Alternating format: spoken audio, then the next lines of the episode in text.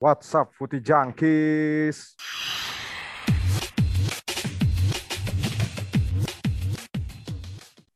Tahu apa kamu soal bola? Yo, tahu apa kamu soal bola? What's up, Footy Junkies? Balik lagi bersama gue Tanti Ojek di Sepak Pojok. Dan kita kembali lagi di hari Minggu. Eh, kok hari Minggu sih anjing? Sekarang bukan hari Minggu ya. Hari Senin lebih tepatnya. Karena ini naiknya hari Senin gitu. Tadi udah ada suara Huda karena ya, hari ini pembukaannya beda. Biasanya Ferry sekarang Huda. What's up, Hud? Yo, what's up? What's up? Ferry lagi berhalangan, kayaknya dia lagi dapat kayak semalam mabuk di ranti kayaknya. Very pesimis soalnya kayak, kayak Inggris gak bisa melang, melangkah lebih jauh gitu di Euro. Nah. Jadi males lah gitu Seru nih. Eh, kayaknya. by the way gimana WhatsApp di? Apa kabar di? Aman-aman, sehat bro. Sehat bro, alhamdulillah sehat semua. Ya kompetisi Eropa sudah selesai semua ya, sudah selesai kemarin Liga Champions juga udah selesai, Liga-Liga udah selesai. Timnas Indonesia kemarin main ya? Ada yang nonton Timnas Indonesia nggak? Gue sempet nonton. Highlightnya doang gue. Oh, lah, lah, lah. Lu sempet nonton ya? Itu golnya cakep tapi Hut ya? Gol yang pas satu samanya ya, keren tuh. Iya. Hmm. nah. Kapan lagi tuh Tapi kita? pada cedera aja pemainnya. Iya pada Egy cedera. ya? cedera. Egy cedera. Terus kemarin ada yang kasus indisipliner lagi ya, lagi-lagi. Ini kalau ngomongin bola Indonesia kayak banyak banget kasus indisipliner, tapi ya bagus karena itu demi timnas timnas yang baik gitu loh. Tapi kita nggak ngomongin timnas Indonesia. Timnas timnas Indonesia kemarin bro, seri kan ya dua sama lawan Thailand ya. Dua Tapi sama. itu udah nggak menentukan apa-apa kan. Kagak. Udah Iya. peringkat terakhir juga. Iya. Makanya pakai lapis ini di pakai pemain muda semua kan yang main. Mm-mm. Pakai bocah-bocah itu kayak persiapan buat Asian Games atau buat apa kan? Apa SEA Games ya? Kayak makanya dipakai yang muda-muda aja. Cuman ya udah Eh, kita Tapi ngomongin soal sepak bola Indonesia, Hmm? ada artis juga yang baru beli klub bola ya? Buh, iya cuy. Oh iya, gue mau nanya pendapat kalian deh. Ini lu setuju gak sih dengan artis-artis sekarang artisnya Indonesia kemarin deh? Yang paling ba- paling baru tuh si siapa? Siapa? Gading. Gading ya, Gading beli Persikota gitu kan. Nih apa klub sepak bola Indonesia sekarang udah kayak kue artis nih? Gimana di kalau menurut lu di?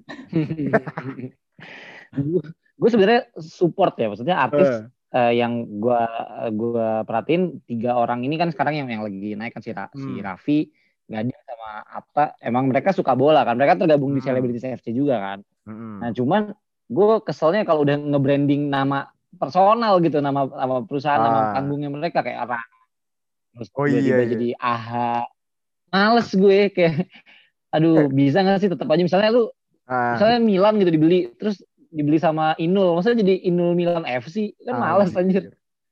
Eh, eh, tapi kalau yang Gitu. kalau yang kalau yang Ata jadi AHA, AHA apaan? Dia dia gue kelewat nih, sorry. Dia beli apa ya? Ah, Kalau- PS Pati, Oh, PS PS Pati dia.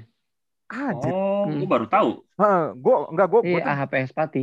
gue tuh kemarin lihat-lihat di media sosial gitu makanya kok rada rame PS Pati PS Pati itu dibahas ternyata gara-gara ini di berarti ya gara-gara dibeli AHA ya Mm-mm. Sebenarnya sebenarnya ada juga yang beli bukan bukan artis, eh, anak presiden. oh iya Kaisang akuisisi Iya. Persis Solo juga. Berapa, Oh, iya. berapa persen ya? 40 persen gitu. oh iya Kaisang Kaisang juga cuman ya dia putra daerah sih nggak nggak heran sih ya Solo kan ya Mm-mm. nah kalau tanggapan dari lu Hud gimana Untuk Hud? Artis. konteks itu eh gimana Iya, untuk konteks yang gak usah ganti nama, gue gue lebih setuju kayak Kaisang sama Gading sih. Udah persikota persikota aja, persis ya persis aja. Gitu. Tapi by the way kalau ngomongin soal ngomongin soal ganti-ganti ganti-ganti nama gitu ya sebenarnya di Eropa pun juga kayak gitu nggak sih di ya contoh nih kayak Newcastle gitu kan Sports Direct tuh punyanya si Mike Ashley kan toko baju yang nggak laku itu katanya ujungnya diganti stadionnya dipampang di stadion lah kan brengsek juga Betul. At least stadion lah ya. Maksudnya jangan iya iya iya. kan nggak mungkin Newcastle Ya, United tiba-tiba jadi bukan nama klub tersebut. ah Iya.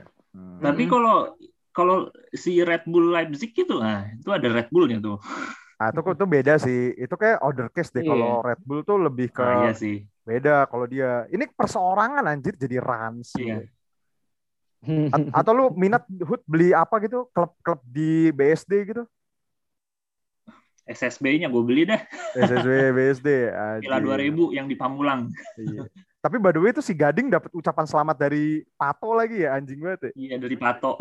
Iya anjir. Anjir anjir dari Pato. Gila sih, gila gila gila. Nih gue berharap tiba-tiba nextnya ada yang beli klub siapa gitu ya, ada beli klub siapa gitu. Ya mungkin yang pendengar Footy Junkies kalau ada yang mau invest di klub bola, klub bola Indonesia, silahkan aja tuh coba tuh. Terus uh, kita udah tadi intermezzo dikit gitu mengenai klub artis, eh klub artis, klub Indonesia yang dibeli sama artis-artis Indonesia gitu. Ini makin menyeruak gitu. Tapi kita mau ngomongin ini masalah Sabtu besok nih, Sabtu dini hari lebih tepatnya. Ini udah pembukaan Euro 2020. Tapi mainnya di 2021 anjir. Euro 2020. Namanya Euro 2020. Dia nggak dia nggak nggak ganti nama. Jadi masih tetap dan ini formatnya baru uh, nggak satu tuan rumah ya. Ini tuan rumahnya ini ada banyak gitu loh. Finalnya itu di Wembley ya, bener ya di Wembley finalnya ya. Wembley. Oh, nggak salah ya. Iya, Hmm. final. Finalnya di Wembley. bener. Final di Wembley, semifinal di Wembley. Gila nih Inggris kalau masuk final nih main main terus nih di Inggris nih. Jadi ini tuan rumahnya ganti-ganti ya gila nih. Tuan rumahnya tuh ada 11 tuan rumah, 11 kota coy, 11 kota, 11 negara. Gila nih. Ini gue bingung nih mau nyebutin. Gue sebutin satu-satu aja nih. Pertama tuh ada Belanda sebagai tuan rumah, terus Azerbaijan, terus Denmark, Copenhagen, Rusia juga, Saint Petersburg, Bukares, Rumania juga tuan rumah, Italia di Roma juga, terus Glasgow, Scotland juga, Sevilla, Spanyol. Wah nih yang menarik nih si ini ya, Eh, Spanyol tuan rumahnya bukan Camp Nou apa siapa tuh namanya? Bernabeu, Bernabeu masih direnovasi kan, yang dipakai stadionnya Sevilla, ya. kaget juga gue, Mm-mm. stadionnya Sevilla, terus ada Budapest, Ada Hungaria, Budapest juga kan. Iya Hmm. Budapest, terus Allianz Arena juga dipakai dan Wembley. Wembley ini bakal jadi final nih. ya. Ngomong-ngomong kalau soal Wembley final kayak Euro 96 nih berarti ya. Tapi Inggris ujungnya nggak juara juga sih. Nah, ini kita mau breakdown dari grup A mungkin ya, langsung dari grup A nih. Ini klub klub apa negara jagoan kita nih dia. Italia, Swiss, Turki, Wales. Gue sih Yoi. menganggap, gue mesti menganggap grup ini tuh rada tricky sih kalau menurut gue. Gimana di kalau menurut lo di kans Itali di grup ini di? Ah, tricky sih Hmm. sebenarnya. Tapi gue sangat optimis. Apalagi gue sebenarnya menjagokan Italia untuk keluar sebagai juara di Hmm. Euro 2020 ini. Karena Hmm. uh, secara squadnya gue lihat lebih matang. Apalagi record last recordnya dari Mancini lagi oke-okenya gitu. Hmm. Uh, kalau nggak salah di di belasan pertandingan terakhir cuma kebobolan satu bahkan. menang, Menang, semua menang lagi. 13 kali, seri sekali kalau gue nggak salah ya. Hmm. Ada seri sekali tuh sama Belanda Oh iya, bener yang gitu. Terus ya Iya, ya gitu. Uh. Hmm. Cuman gue gue sangat optimis sih Italia untuk lolos. Hmm. Mungkin yang bisa nemenin di grup A itu kayaknya sih gue malah lebih lebih feeling Wales sih. Wales. Wales, Wales pelatihnya Ryan Giggs kan ya? Kalau nggak salah ya. Ryan Giggs, Ryan Giggs kalau Ryan Giggs. Ryan kema- Giggs. Ryan Giggs kan. Kemarin lawan Perancis kalah kan 3-0 tuh Wales. Tapi lu apalagi nih pertandingan pertama nih kalau ngomongin pertandingan Italia lawan Turki nih. Turki nih ngeri-ngeri sedep juga nih. Ada Burak Yilmaz cuy anjing. Ada Burak Yilmaz. Gue kira gue kira Emre itu masih main Emre-nya Inter. Ternyata udah nggak ada Emre ya. Soalnya kalau nggak salah dia masih main kan Ya musim Allah. musim ini di, di, Umit di- Davala masih main nggak? Buset, Umit Davala, Hakan Sas ya.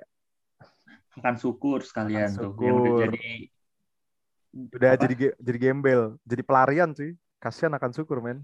Bangkrut. Gimana kalau menurut lu gimana nih Hud melihat grup A Hud? Ini grup tricky sih. Swiss Swiss sama Turki itu gue bilang kayak kadang kayak kadang menyulitkan dikit-dikit gitu loh kalau menurut gue. Gimana kalau menurut lu? Eh, mungkin sedikit intermezzo sedikit Hmm. ngomong-ngomong soal Itali. Eh, gue kemarin baru banget nonton film nonton yang di Netflix tuh si Roberto Baggio. Ah, Oh iya ya tuh bisa nonton tuh. Nah, mungkin menurut gue itu itu bukan dokumenter, itu benar-benar nyeritain Film. kisahnya si Roberto Baggio sih. Hmm, film. Kalau eh, buat Futi Jangkis nonton, menurut gue lumayan lah, lumayan seru sih. Lu, lu- perjalanan hidupnya si Roberto Baggio juga. Nah, Hmm. kan ngomongin Itali nih jadinya nih. Nah, kalau menurut gue emang kayaknya hampir hampir ya 80% lah Itali itu udah bisa juara grup. Kalau menurut gue Hmm. harusnya dengan lawan yang kayak Turki, Swiss atau Wales. Hmm. Nah, tapi gue setuju juga di situ Jack sama lu. Turki sama Swiss ini bisa jadi menyulitkan nih karena track recordnya si ah gue gue sih mungkin paling paling ngikutin si Turki ya kayaknya ya. Hmm. Turki tuh biasanya tuh yang di Euro Euro 2000 berapa tuh yang dia ngalahin Republik Ceko terus sampai dia cuma kalah di di semifinal apa di perempat final tuh sama Jerman. Yang 2008. Spanyol juara pokoknya tuh kalau nggak salah. 2008. Hmm.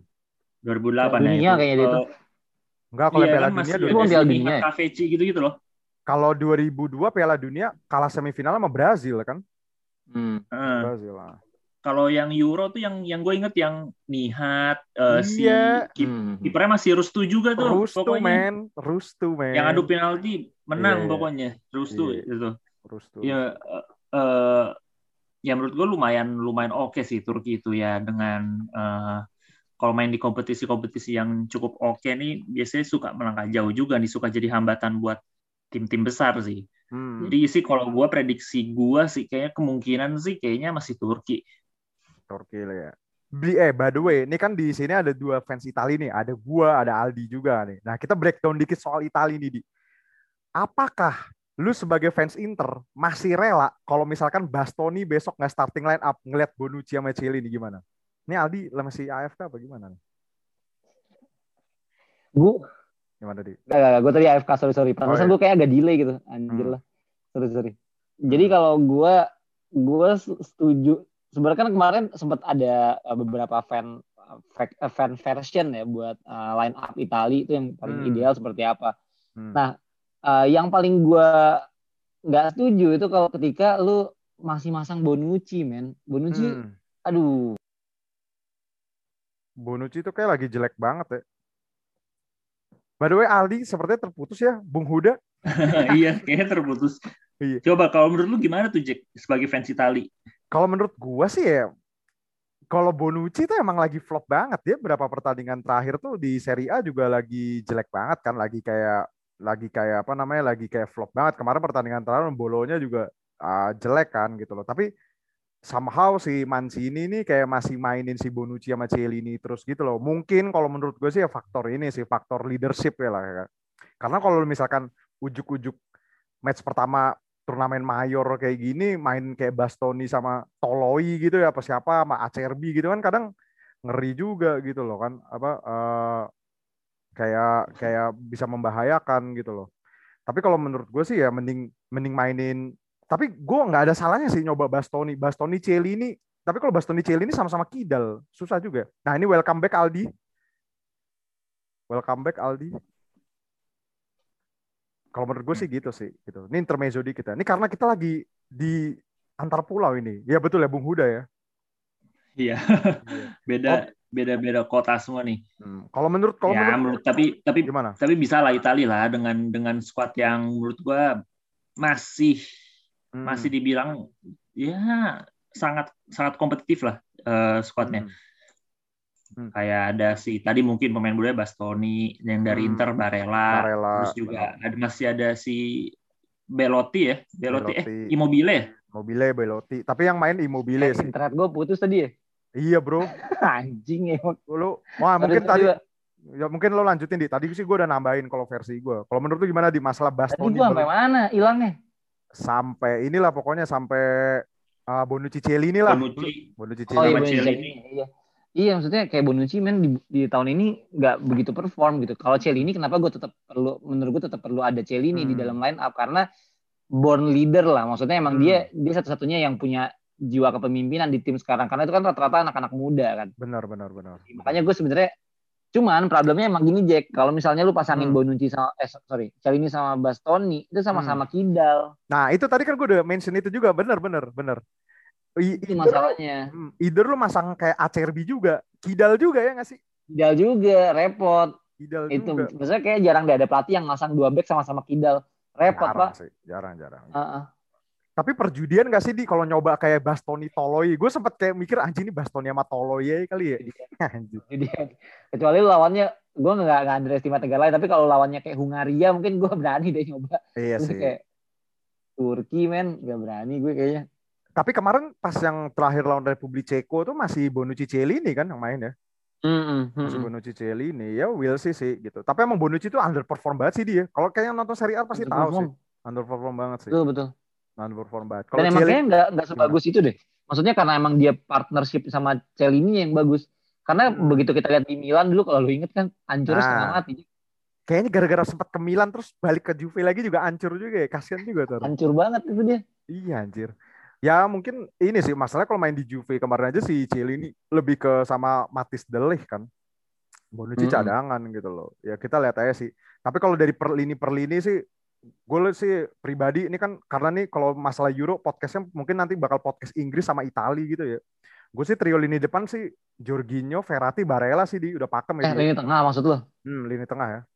Iya, lini tengah iyalah. Udah itu posnya tempatnya bertiga itu sih. Kayaknya susah kegeser. Verratti, Jorginho sama Barella. Udah paling bagus sih. Kalau di depan lu pilih siapa di? Kalau di depan kira-kira? Depan gue Insigne, Hmm, eh, Chiesa kanan, Hmm. terus tengahnya eh, Immobile. mobilnya. Itu itu kayak Cuman cuman gue antara ragu sih. Sebenarnya gue yakin banget Berardi bisa perform. Hmm, oh iya ada Berardi ya benar. Iya, Berardi itu juga oke. Antara kalau misalnya mungkin bisa jadi super sub sih feeling gue. Hmm. Terus di kabar terbaru kan si Stefano Sensi ini eh, cedera ya. Akhirnya digantiin Matteo Pessina akhirnya. Itu juga gue nggak ngerti kenapa dia masuk timnas. Heran gue. Siapa Sensi? Pemain cederaan begitu. Sensi. Iya. Mungkin Sensi, itu kayak Sensi itu sebenarnya pemain yang oke gitu loh. Makanya mungkin dipakai Oke. Mancini, iya kan? Kalau menurut gue sih. Tapi lu gimana main 30 menit cedera? ya Allah, capek Iya, banget. Eh, tapi kejutan ya di Italia itu si Moisekin gak dipanggil ya. Iya, Moisekin dicoret. enggak, enggak dipanggil. Moisekin siapa lagi sih yang kemarin dicoret? Politano tuh yang gue juga kaget Bernardeschi malah masuk. Tapi gue gini, gue kan tuh- gue sempat uh, ngobrol masalah Bernadeschi ya sama sama adminnya Info Azuri kan. Kebetulan gue kenal sama dia. Sebenarnya gue kan juga nggak terlalu sering gitu nonton Itali kalau lagi kayak pertandingan persahabatan. Paling nonton Nations League yang lawan Belanda kayak gitu-gitu doang gue nonton. Tapi gue lebih ngelihat Bernadeschi itu emang sih di kayak Lord gitu loh di Juve gitu loh. Tapi kadang di kalau di Hmm. Itali tuh kayak model kayak Giaccherini gitu loh, ngerti gak sih? Oh Jadi iya kayak- iya iya, ya, tiba-tiba jago gitu kan. Iya iya iya yang kayak tactical player gitu loh. Jadi kayak di saat yang dibutuhkan tuh dia bisa main gitu loh. Kayak gitu kalau menurut gua. Bernadeschi gitu loh. Makanya kan dipanggil. Iya, iya, iya. Gue juga anjing Bernadeschi dipanggil tapi Politano enggak gitu kan. Gue bener-bener kayak gitu. Hanya itu gue gue sempet kayak aduh Bernardeschi itu sebenarnya yang gue gak suka adalah kelamaan goreng deh banyak banget gorengnya. Hmm. Ya semoga aja sih. Semoga Lordnya tetap di Juve aja ya. Nggak usah ke timnas juga nih. Semoga nih. Semoga nih. Gue takut Ya. kayak Zaza aja bala gitu kalau Nah iya kan. Anjir tuh. Penalti. penalti nggak masuk ah elah nih kesel sih gue. Belum lagi nih ada ini ya. Pemain U21 ya. Nanti Raspadori juga masuk ya. Oh iya. Raspadori. Ya, Dia juga Wilsis- mengejutkan sih. Moisken nggak di, nggak dipanggil malah dia yang masuk. Nah itu dia sih, gue juga gak tahu sih Moisekin kenapa gak dipanggil. Padahal Moisekin lebih versatile ya, bisa ditaruh wing, bisa taruh striker ya nggak sih. Mhm. Ya kita lihat lah. Dan gue tuh lebih, gue tuh sebenarnya harapan gue di Italia itu nanti mungkin eh, Immobile tuh mungkin bisa segacor kayak di Lazio gak sih? Di, iya gak sih? Gue tuh berharap Mhm, banget mhm. sumpah. Soalnya kadang dia kalau di negara tuh rada melempam gak sih? Iya iya iya. Immobile. Semoga sih, semoga, semoga. Ya kita lihat saja Italia sampai semana karena ini podcast Italia dan Inggris selama Euro ya. Atau mungkin kita langsung ke grup B. Grup B ini ada Belgia, Finlandia, Denmark, dan Rusia. Ini perlu dibahas nggak sih? Belgia sih for sure lah ya. Belgia iya sih Belgia Denmark lah kayaknya. Belgia, Kayaknya- Denmark. Berat yang lainnya. Atau ini Hud, jagoan lu Hud, Finlandia Hud, jagoan lu di FPL musim kemarin Hud. Eh apa? Dua musim lalu ya. Temu Puki men. Tubuh Puki ya. Temu Temu Puki men. Tapi ya udahlah Belgia, Denmark lah ya. Ini nggak perlu dibahas ya, skip aja lah ya. Nah kita Skip ke lah. Kita ke grup C nih. Di grup C ini pasti ada jagoannya Huda. MU. Makedonia Utara. Lolos nggak nih Hud? Makedonia Utara Hud. Anjir. MU men. Singkatannya MU bener kok. Iya MU. Ah, ini ada legendnya Aldi nih ya. Makedonia Utara. Goran Pandev. Gila. Goran Pandev. Itu pemain udah sampai botak lu malahnya masih main aja anjir. Goran Pandev. Ini ini ini sebenarnya ini harusnya Belanda sih harusnya lolos ya. Ini Belanda, Austria, Austria juga. Gua nggak tahu kenapa nih Austria bisa lolos ya. Gue tuh mungkin gue tuh kadang eh Austria tuh 2016 lolos kan ya Euro kalau nggak salah lolos kan deh. Gue ngeliat skuadnya tuh kayak lumayan-lumayan pemainnya, kayak pemain-pemain Bundesliga tuh banyak ya. banget. Ah, Alaba, terus siapa? Kaptennya Leipzig tuh Sabitzer kayak gitu-gitu. Tapi Mhm. katro anjir. Nah, ini di jagoan kita juga di Ukraina di ada Yoi, Mal- Malinowski. Ah, Malinowski. Ini jagoan gue nih. Lolos Jagoan. sih kayaknya Ukraina. Ukraina lolos ya sama Belanda ya. Mhm. Eh, Shevchenko pelatihnya bukan sih? Bukan ya? Shevchenko, Shevchenko. Benar. Shevchenko. Oh, ya? Shevchenko Oh, iya. pelatihnya Shevchenko. gokil. Shevchenko, Shevchenko. Ukraina nih nggak ada nama-nama mentereng sih kalau gue lihat dari dari skuadnya nih cuman yang kita tahu paling ya Mali- Zinchenko cuy. Oh ya Zinchenko, terus siapa? Shevchenko-nya si City ya. City, City, Zinchenko, Malinowski, Yar Yarmolenko masih ada nggak tuh? Yarmolenko, benar. Yarmolenko masih Ada ada. Sama ini cuy, Hmm. Konoplianka cuy, yang katanya wonderkid dulu cuy. Sama kipernya Madrid yang dulu tuh Andri Lunin itu Anjir siapa cuy? Mama Tapi kayaknya dipanggil ya Lunin. nggak dipanggil ya? nggak dipanggil. Kayaknya enggak deh. Kipernya kayak masih yang badannya gede itu dah yang main di Shakhtar Donetsk tuh dulu siapa? Lupa gue. Yang badannya gede dah kayak pemain Smackdown anjir. Harusnya Belanda for sure sih nih. ya. Tapi gue berharap sih Makedonia Utara lolos sebagai peringkat tiga terbaik sih di grup ini ya nggak sih? Seru cuy. Goran panas. Seru cuy. sih. Ih, Goran Seru panas. sih. Dan Cuma kayaknya nggak mungkin deh. Maksudnya Austria tuh nggak se nggak sejelek itu kan. Iya sih.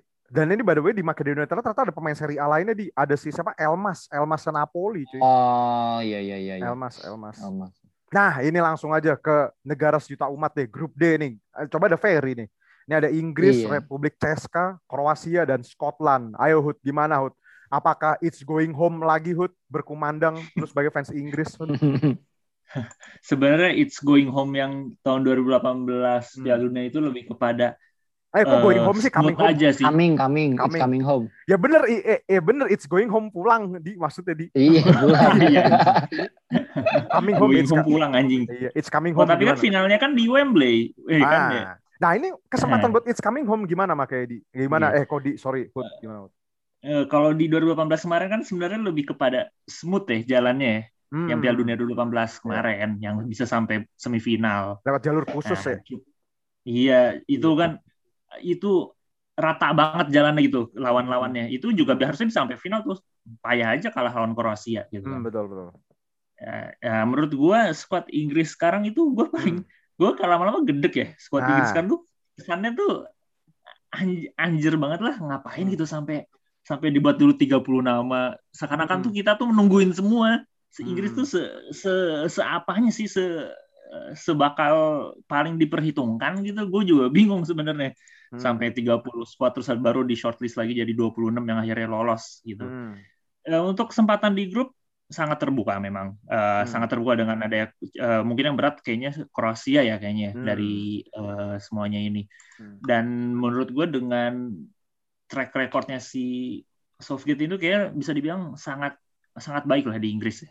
Hmm. gue gue kayak kalah tuh dikit banget gitu kalau gue lihat persahabatan atau kualifikasi gitu squad squadnya memang lah juga oke kayak masih eh, apa ya ada pembaruan lah nggak nggak cuman ma- make yang lama-lama gitu tapi kan Hmm. beberapa ada yang cedera juga kayak kemarin kan si Trent Trent, Alexander Arnold akhirnya Hmm. cabut ya gara-gara cedera dan emang di- tidak ditakdirkan ngapain lu bawa empat right back anjir ke Nah. satu ini kan ngapain sampai- lo mending Itu sampai ada starting line apa di eh di- lagi hood. Jadi nanti mainnya back kanan semua cuy, anjing banget. Ya. Iya makanya. Tapi ya kansnya menurut gua eh, dari grup mah pasti bisa lah. Hmm. nah cuman gua nggak tahu nih kalau nanti jalannya bakal jalannya semulus kayak waktu Piala Dunia nggak lawan-lawannya. Kalau misalkan semulus itu ya mungkin bisa aja sampai sampai semifinal gitu. Tapi kalau Hmm.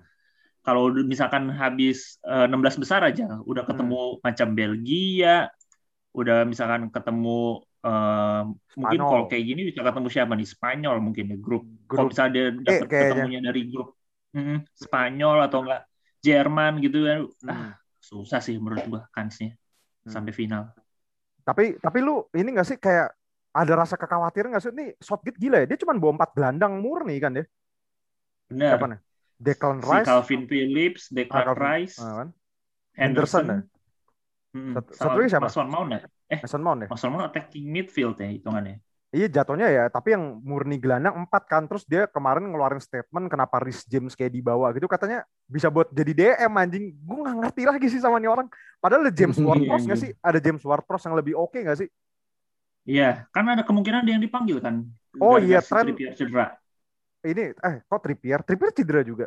Eh sorry, Trippier lagi si siapa tadi? Trent ya? cedera? Tren tren. Trent. Trent, heeh. Antara antara dia atau Lingard. Nah, lu lebih pilih mana? Kalau James Ward-Prowse apa Lingard? Hood yang masuk Hood. Nah, gue sih kayaknya lebih milih si Ward-Prowse sih karena untuk kebutuhan ini ya, kebutuhan gelandang gelandang tengah ya, Hmm. ketimbang eh, si siapa Lingard kan lebih attacking. Sedangkan di attacking dulu tuh kayak masih ada Jack Grealish, Mason Mount, Phil Foden gitu loh. Oh Numpuk. iya masuk ya. Bukayo Saka masuk juga kan ya? Bukayo Saka juga. Bukayo Sancho main kan masuk. Sancho main kan? Sancho juga Hmm. dipanggil. Sancho dipanggil, Sancho dipanggil. Iya, Yang udah pasti sih Harry Kane sih pasti main sih. Nah kalau Iya, kapten juga kan kan dia. kapten kan. Nah kalau menurut lu gimana Didi? Apakah emang bener it's coming home nih? Apalagi semifinal sama finalnya di Inggris cuy mainnya di Wembley cuy. Aduh, kalau Inggris tuh kenapa ya? Gue sebenarnya pemain-pemainnya ngeri-ngeri ya. Tapi Hmm. gue nggak pernah punya feeling Inggris tuh bisa bisa bertahan lebih lama di suatu kompetisi gitu. Hmm. Nggak tahu kenapa ya, maksudnya karena entah karena di sepak bolanya mereka di liganya juga dominasinya pemain asing misalnya yang yang Hmm. oke-oke. Jadinya eh, nggak nggak kebentuk gitu pemain-pemain eh, asli Inggrisnya. Bahkan Hmm. ke, untuk lolos grup ini gue nggak yakin dia bisa juara grup loh. Maksudnya Kroasia tuh eh, nggak bisa dianggap remeh karena mereka udah bertahun-tahun dengan skuad yang hampir sama loh. Dari 2000 berapa betul 2000 Euro 2016 kali ya skuadnya udah itu gitu. Hmm. Udah Eh, udah kebentuk lah. 2016 kayak beda deh. Itu masih Wayne Rooney gitu-gitu nggak sih? Masih Hodgson kan? Bukan bukan Kroasia, Kroasia. Oh, gue. Kroasia. Oh iya iya. Kroasia tuh udah udah itu itu aja dari udah Modric, udah Brozovic, udah Kovacic, udah orang-orang itu itu aja. Iya, benar. Gitu. Apalagi udah udah pensiun kan siapa Subasic nggak ada. Terus siapa lagi tuh yang nggak ada? Udah pada pensiun banyak Mandzukic nggak ada kan? Banyak yang baru-baru kan. Nah ini seru nih. Gue sebenarnya menantikan Inggris lawan Skotlandia sih. Eh, by the way ini udah ada penonton belum sih? Euro udah boleh ada penonton belum sih? Kayaknya udah deh. Udah ya. Soalnya final Liga Eh, tapi Champions. Calvin Phillips tuh emang oke ya guys musim ini. Kayak gue nggak gitu ngelihat. Kalau menurut gue sih kayaknya Hmm. oke deh dia kan dia di Leeds kan dia. di Leeds, di Leeds. Dan memang kelihatan kayak semacam ya lini tengahnya dia tuh Hmm. eh, dia gitu yang ini. Soalnya daripada gue lebih setuju main emang ada si Calvin Phillips sih ketimbang eh, lu harus masih manggil yang namanya pemain Tottenham tuh kayak Eric Dyer tuh ngapain tuh kayak Eric. Dyer. Parah. Ya itu kan udah udah bang. Menurut gua ada setidaknya satu regenerasi kedua refresh lah di dalam squad itu. Sama ini yang Eh, James kan, tuh orang Inggris bukan sih? Dipanggil. Madison orang Inggris. Siapa siapa Main nggak dia? nggak dipanggil Enggak, kan Madison? dipanggil. Madison kan cuma lebih ke attacking ya. Si Hmm. itu Nggak yang dipanggil. Jude Bellingham itu yang dari Dortmund. Oh iya, Jude. Bellingham masuk. Jude Bellingham masuk kan? Eh Madison tuh jago banget cuy. Menurut gue ya. Kagak biasa aja menurut gua di Masa sih? 11 12 Ya, sama gua- Jack Grealish lah. Iya ya kayak Grilis lah mainnya. Ah, iya kayak gitu aja. Ah iya Jude Bellingham tuh masuk Hut, ya? Lupa gua. Berarti 5 Masuk, ya. masuk. Jude Bellingham. Oh iya Masuk Jude itu Bellingham. gelandang gelandang murninya itu yang tadi kata lu empat itu itu. Oh iya gelandang murni 4 bener. ya. Iya Mason Mount lebih ke attacking sih bener. Mason Mount lebih ke Hmm, Arsenal attacking. lebih ke attacking. Iya anjir gila banget. ya. Tapi kalau dilihat Calvin lu, gue kalau lebih mirip milih Calvin Phillips sama James Ward-Prowse, sebenarnya gaya mainnya juga sama sih Hut ya kayak gitu-gitu juga kan. Ya, James Ward-Prowse dia bisa lebih ngalirin bola dan emang tipikal Hmm. gelandang yang apa ya, benar-benar central midfield lah dia mainnya. Dan dia Hmm. juga punya kekuatan di bola-bola mati sih si Ward-Prowse itu. Hmm. Ya menarik sih, tapi gue gue gue sih paling berharap di party grup ini ya, gue tuh pengen lihat Inggris tuh lawan Scotland sih. Apalagi kalau misalnya ada penonton, wah itu seru banget sih. Ini derby cuy, Hmm, derby Bener-bener. Derby Britania cuy Inggris lawan Scotland. Nah kita, Tapi gue ngerasa Scotland nggak bisa berbuat banyak loh Jack di grup ini. Maksud gue Ceko juga pemainnya oke-oke loh.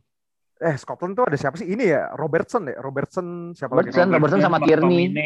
Oh ya McTominay, Tierney ya, Tierney. Hmm. Oh sama ini cuy Newcastle man, Ryan Fraser. Oh gue dukung Scotland berarti. Grup ini. Scotland gue. Scotland gue. Ya udah, kita Lu langsung. gimana Jack pendapat lu si? Fikayo Tomori nggak masuk squad nih? Ini anjing sih. Gue gue gue tuh paling gue gue jujur ya. Lu eh lu setuju nggak Hud? Connor Kwadi tuh malah masuk, dude. Anjir. dude. Iya, Aneh gue ya. juga bingung sih. Iya. Oh, kalau Maguire, Stone sama Troy Mings menurut gue oke. Ah, ah, Troy Mings menurut gue vital lah di Mings tuh agak agak Mings agak aneh debatable juga. menurut gue. Iya, debatable. Ah, ah. Kalau Iya. kalau Cuman Maguire Bahkan masih di- vital lah dia mainnya. Hmm, Tapi bahkan di, di Villa. Villa sendiri, menurut Hmm. gue lebih bagus si Eric Konsa, Ezri Konsa, sorry. Oh, Ezri Ezri Konsa. Konsa. Hmm. Iya daripada daripada Mingsnya. Hmm. Kalau kalau Maguire sama Stones pasti itu ntar intinya itu sih. Intinya pasti itulah center back ya. Nah itu yang gue bingung ya si siapa Tyron Ming sama siapa tadi namanya Koadi sih. Gue mendingan Tomori sih. Tomori itu oke loh di kemarin. Iya. pilihannya. Iya kan? Tomori oke Iya. emang. Makanya gue bingung juga. emang baik yang kritik itu emang Tomori nggak masuk.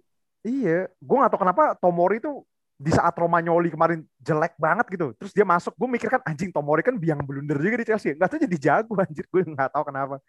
Ya gue gak tau lah Southgate seperti apa gitu. Ntar kita lihat aja Huda. Atau minggu depan kita lihat pendapatnya Ferry kan. Seperti apa mengenai Inggris gitu. Ini kita langsung skip ke grup E berarti ya. Spanyol ya udahlah. Tapi lu lu masih menganggap Spanyol nih menakutkan kayak edisi-edisi di Piala Dunia pas dia menang Piala Dunia back to back Euro gitu. Masih menak Gua enggak, gua menakutkan itu? Eh kenapa di kenapa tidak Enggak. semenakutkan itu? Ah. Ya skuadnya bukan dominasinya Barcelona sama Real Madrid lagi, jadi udah nggak Hmm. semengerikan itu. Hmm. Itu sih pertama faktor pertama. Terus gue ngeliat kemarin pas main Morata begitu, Ah iya, enggak- Portugal ya. nggak ada nggak punya identitas aja sih menurut gue Spanyol. Hmm. Dan dan by the way ini uh, fun fact juga ya. Spanyol ini satu-satunya tim yang paling minim squadnya di saat semua tim bawa 26 pemain, dia cuma bawa 24 cuy. Songong banget nih tim ya. dia cuma bawa 24 pemain. Dan yang lebih lucu lagi, kipernya, kiper Brighton di bawah cuy. Mantep banget ya. Ini, si Sanchez ya. Iya, siapa Robert Sanchez ya. Nih Kepa nangis sekali di pojokan kali ya. Oh, bercanda banget ini squadnya. Iya, anjir lihat deh, ada Robert Sanchez. Gue gue kira ini kiper mana anjir, kiper Brighton anjir, anjir. Ya, we'll see lah kita lihat sampai Spanyol. Ini by the way Spanyol tuh sama Polandia sama Slovakia ya, sama Swedia. Tapi sayang nih ya Swedia nggak ada Ibra ya, padahal kemarin dia udah comeback ke timnas ya. Si, gue jagoan gue iya. Slovakia di sini karena ada Milan Skriniar. Oh iya, eh Hamsik masih main gak Hamsik? Hamsik. Kayaknya udah enggak deh, udah pensiun kan? Hamsik udah pensiun ya. Slovakia ada siapa lagi? Oh ini cuy, Jurat Skutska di anjir. Skutska. Jurat Skutska anjir. Sama Dubravka. Oh eh, eh nih, jagoan gue Dubravka nih udah. Gue megang Slovakia. Dubravka. Slovakia. Ya tapi ini menarik sih Spanyol sih harusnya bisa lolos dengan mudah. Ada tuh tiga-tiga senggolannya Polandia, Slovakia, dan Swedia. Dan ini kita langsung ke grup terakhir deh. Prancis, Portugal, Jerman, Hungaria.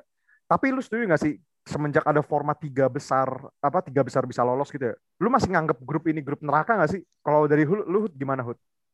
Ya tadi gue setuju di lu yang awal bilang ya ini hmm. agak ini juga ya gara-gara udah bisa tiga yang lolos hmm. dalam satu grup sangat memungkinkan banget ketiga tim yang uh, yang tadinya dibilang grup neraka itu kayak Prancis, Jerman dan uh, Portugal hmm. itu bisa lolos secara bersamaan tiga-tiganya hmm. walaupun uh, nanti salah satunya akan menjadi uh, tiga terbaik gitu.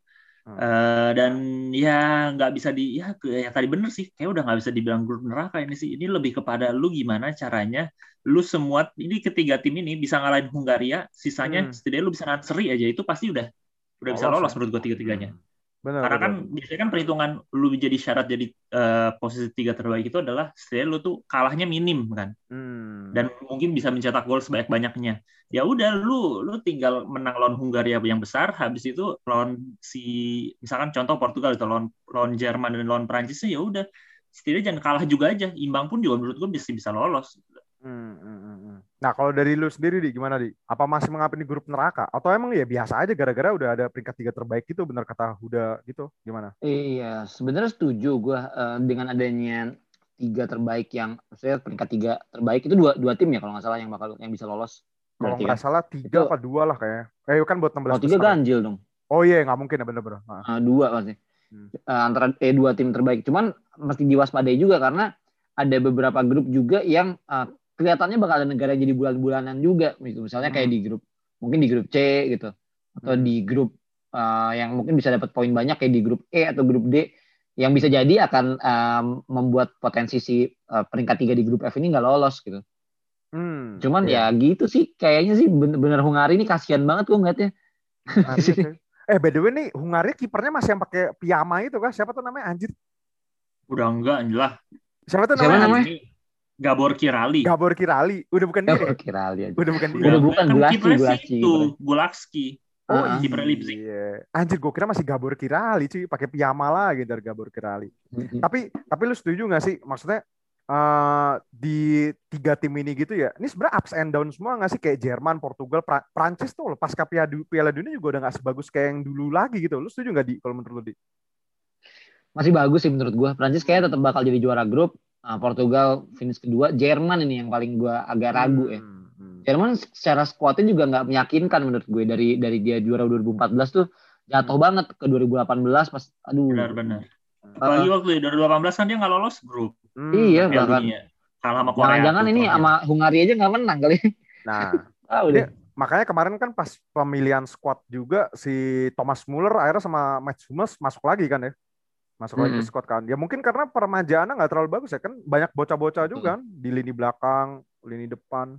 Lini depan sih gila. Di lini depan cuma satu striker kan Kevin Volland sama Thomas Muller sih pasti. Kevin Volland men ya Allah. Kevin Oh, sama Timo Werner men, lupa gue Timo iya. Werner. Kevin Volland anjir dipanggil timnas itu kayak udah aneh banget. Ya siapa lu mau siapa di Mario Gomez di main lagi. Ada lagi. Iya mau siapa lagi sih Mario Gomez. Ada lagi kan. Inilah. Enggak, gue tahu siapa striker yang dipanggil. Cacau, inget gak sih lu? Buset, Cacau. Cacau itu satu gol di Piala satu gol di Piala Dunia, men. Giroud kalah. Tapi ada jagoan kita, Jack. Siapa? Robin Gosens. Oh iya, Gosens. Gosens. Robin Gosens mantap lah. Atalanta. Gosens. Tapi ini seru sih ini Portugal. Portugal apalagi sih kemarin ada Bruno kan, Ronaldo. Kita lihat sih. Ini sebenarnya Ronaldo dan gue nggak habis nggak habis pikir soal Portugal nih gak ada back tengah lain ya. Masih manggil Jose Jose Fonte Fonte. masih Iya anjir sama Pepe. sama Pepe. Sama Pepe. Gila banget nih Portugal nih anjir. Padahal udah ada Bruno Alves nggak dipanggil lagi, Jack. Wah, gue mikir tuh, gue mikir tuh Bruno Alves kalau masih main kayaknya, kayak dipanggil tuh anjing Bruno Alves, sumpah. Gue udah mikir ah anjing kalau ada belum. Tapi kemarin ada Ruben Dias, cuy. PFA of the year dia, player PFA of the year kan. Bruno Dias. Leo dipanggil nggak, Ruben Jack? Dias lah. Leo kagak. Leo, Leo, Kok bisa ya Leo? Leo kayaknya sama si Dalot itu dimasukin ke Euro Euro U21 deh Dua kemarin. satu. Eh, Aneh banget anjir Leo tuh udah mateng menurut gue. Belum lah, kemarin pas ini masih rada ini. Tapi kan dia Portugal depannya lumayan-lumayan di ada Ronaldo, Jota kan. Iya Felix. Wah Felix ya nggak perlu lah. Terus ada Bruno Fernandes juga semua. Nani cuy harusnya yang dipanggil Nani cuy. Luis Nani men, Luis Nani. Quaresma. Quaresma anjir. Nani anjir. Quaresma anjir itu itu squad yang Euro juara terakhir mereka tuh masih Iya. main loh Nani Quaresma Nani, Quaresma masih ada. Iya bener masih ada. Eder. Eder, iya Eder. Eder ya Allah yang Pemenangnya kan ngegolin Eder ya. Eder. aja. Eder. Itu masih ada Bruno Alves juga kan tuh? Iya benar Bruno Alves. Udah Alves. Tapi ini Joe kalau Mario dipanggil nggak sih Joe Mario? set Joe Mario, nggak tahu gue Kagak, cuy. kagak. Juara dipanggil Kayaknya juara peringkat terakhir deh di grup. Anjir.